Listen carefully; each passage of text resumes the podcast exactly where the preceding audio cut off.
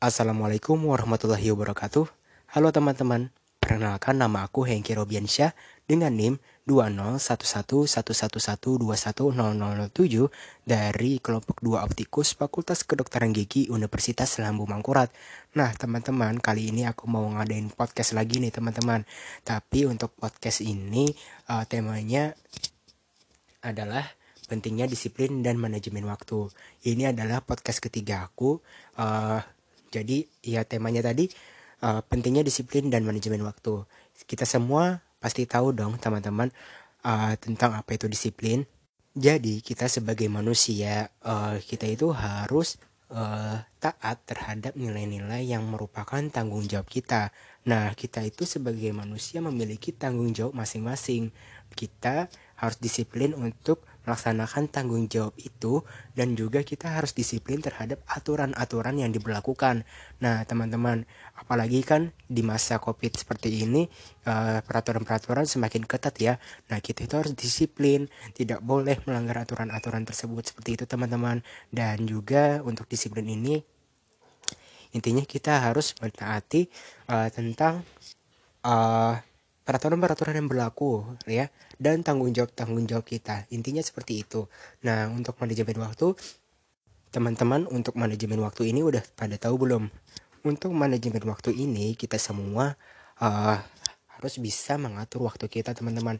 Intinya manajemen itu waktu itu uh, seperti pengaturan waktu untuk segala kesibukan-kesibukan kita.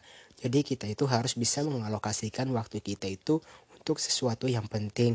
Untuk yang tidak terlalu penting itu uh, mungkin alokasi waktunya hanya sedikit. Seperti itu teman-teman.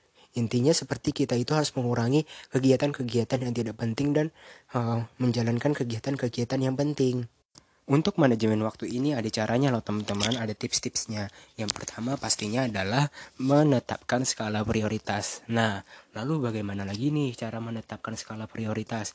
Ada yang namanya kuadran penting dan tidak penting. Uh, kuadran ini sangat terkenal teman-teman. Jadi kuadran ini ada empat, uh, ada empat misalnya tugas atau suatu masalah yang harus dikerjakan uh, berdasarkan penting dan mendesaknya. Jadi yang pertama itu yang harus kita kerjakan itu adalah uh, yang penting dan mendesak. Nah ini uh, sangat perlu uh, didahulukan karena yang pertama ini penting dan juga mendesak. Lalu yang kedua yang harus kita dahulukan adalah uh, yang penting namun tidak mendesak. Nah ini sangat uh, diperhatikan lagi uh, untuk urutannya yang pertama tadi untuk yang penting dan mendesak ini seperti contoh masalahnya seperti konflik atau krisis-krisis deadline dan sebagainya. Uh, sedangkan untuk yang penting dan tidak mendesak itu seperti pencegahan perencanaan perawatan atau rekreasi itu penting tapi tidak mendesak tapi harus tetap dijalankan. Lalu yang ketiga adalah yang tidak penting namun mendesak. Contohnya pertemuan dadakan atau laporan dadakan, pekerjaan menumpuk atau aktivitas-aktivitas lainnya. Sedangkan untuk yang tidak penting dan tidak mendesak ini lebih baik dikurangi karena ini lebih seperti membuang-buang waktu, seperti menunda-nunda dan me e, menyibukkan diri dengan hal-hal yang tidak berguna untuk diri sendiri. Nah, lalu untuk manajemen waktu ini juga kita sebagai mahasiswa sangat penting ya teman-teman karena kita sebagai mahasiswa itu uh, ya, sudah beda banget nih kehidupannya dengan siswa uh, pada masa SMA atau masa sekolah. Beda banget teman-teman. Intinya uh, untuk di uh, pada saat mahasiswa inilah kita mulai memasuki uh, kerasnya dunia pekerjaan seperti itu teman-teman. Intinya uh, kita sebagai uh, mahasiswa harus bisa yang namanya manajemen waktu ini. Nah, lalu teman-teman untuk disiplin dan manajemen waktu ini saling berkaitan teman-teman. Intinya di dalam disiplin itu kita juga harus menguasai yang namanya manajemen waktu dan juga uh, ingat ya sebagai mahasiswa kita juga harus memiliki kedisiplinan yang baik di Indonesia ini kedisiplinan masih sangat kurang teman-teman kalau dibandingkan negara-negara maju lainnya. Nah kalau dibiarkan begini Indonesia akan semakin tertinggal. Uh, banyak uh, media-media mengatakan Indonesia itu tertinggal 100 tahun wah itu parah banget sih nggak sampai segitunya juga menurut aku tapi intinya kita juga sebagai masyarakat Indonesia jangan terlalu uh, terlalu berada di zona nyaman seperti itu. Intinya kita harus meningkatkan kedisiplinan kita dan harus menguasai yang namanya manajemen waktu.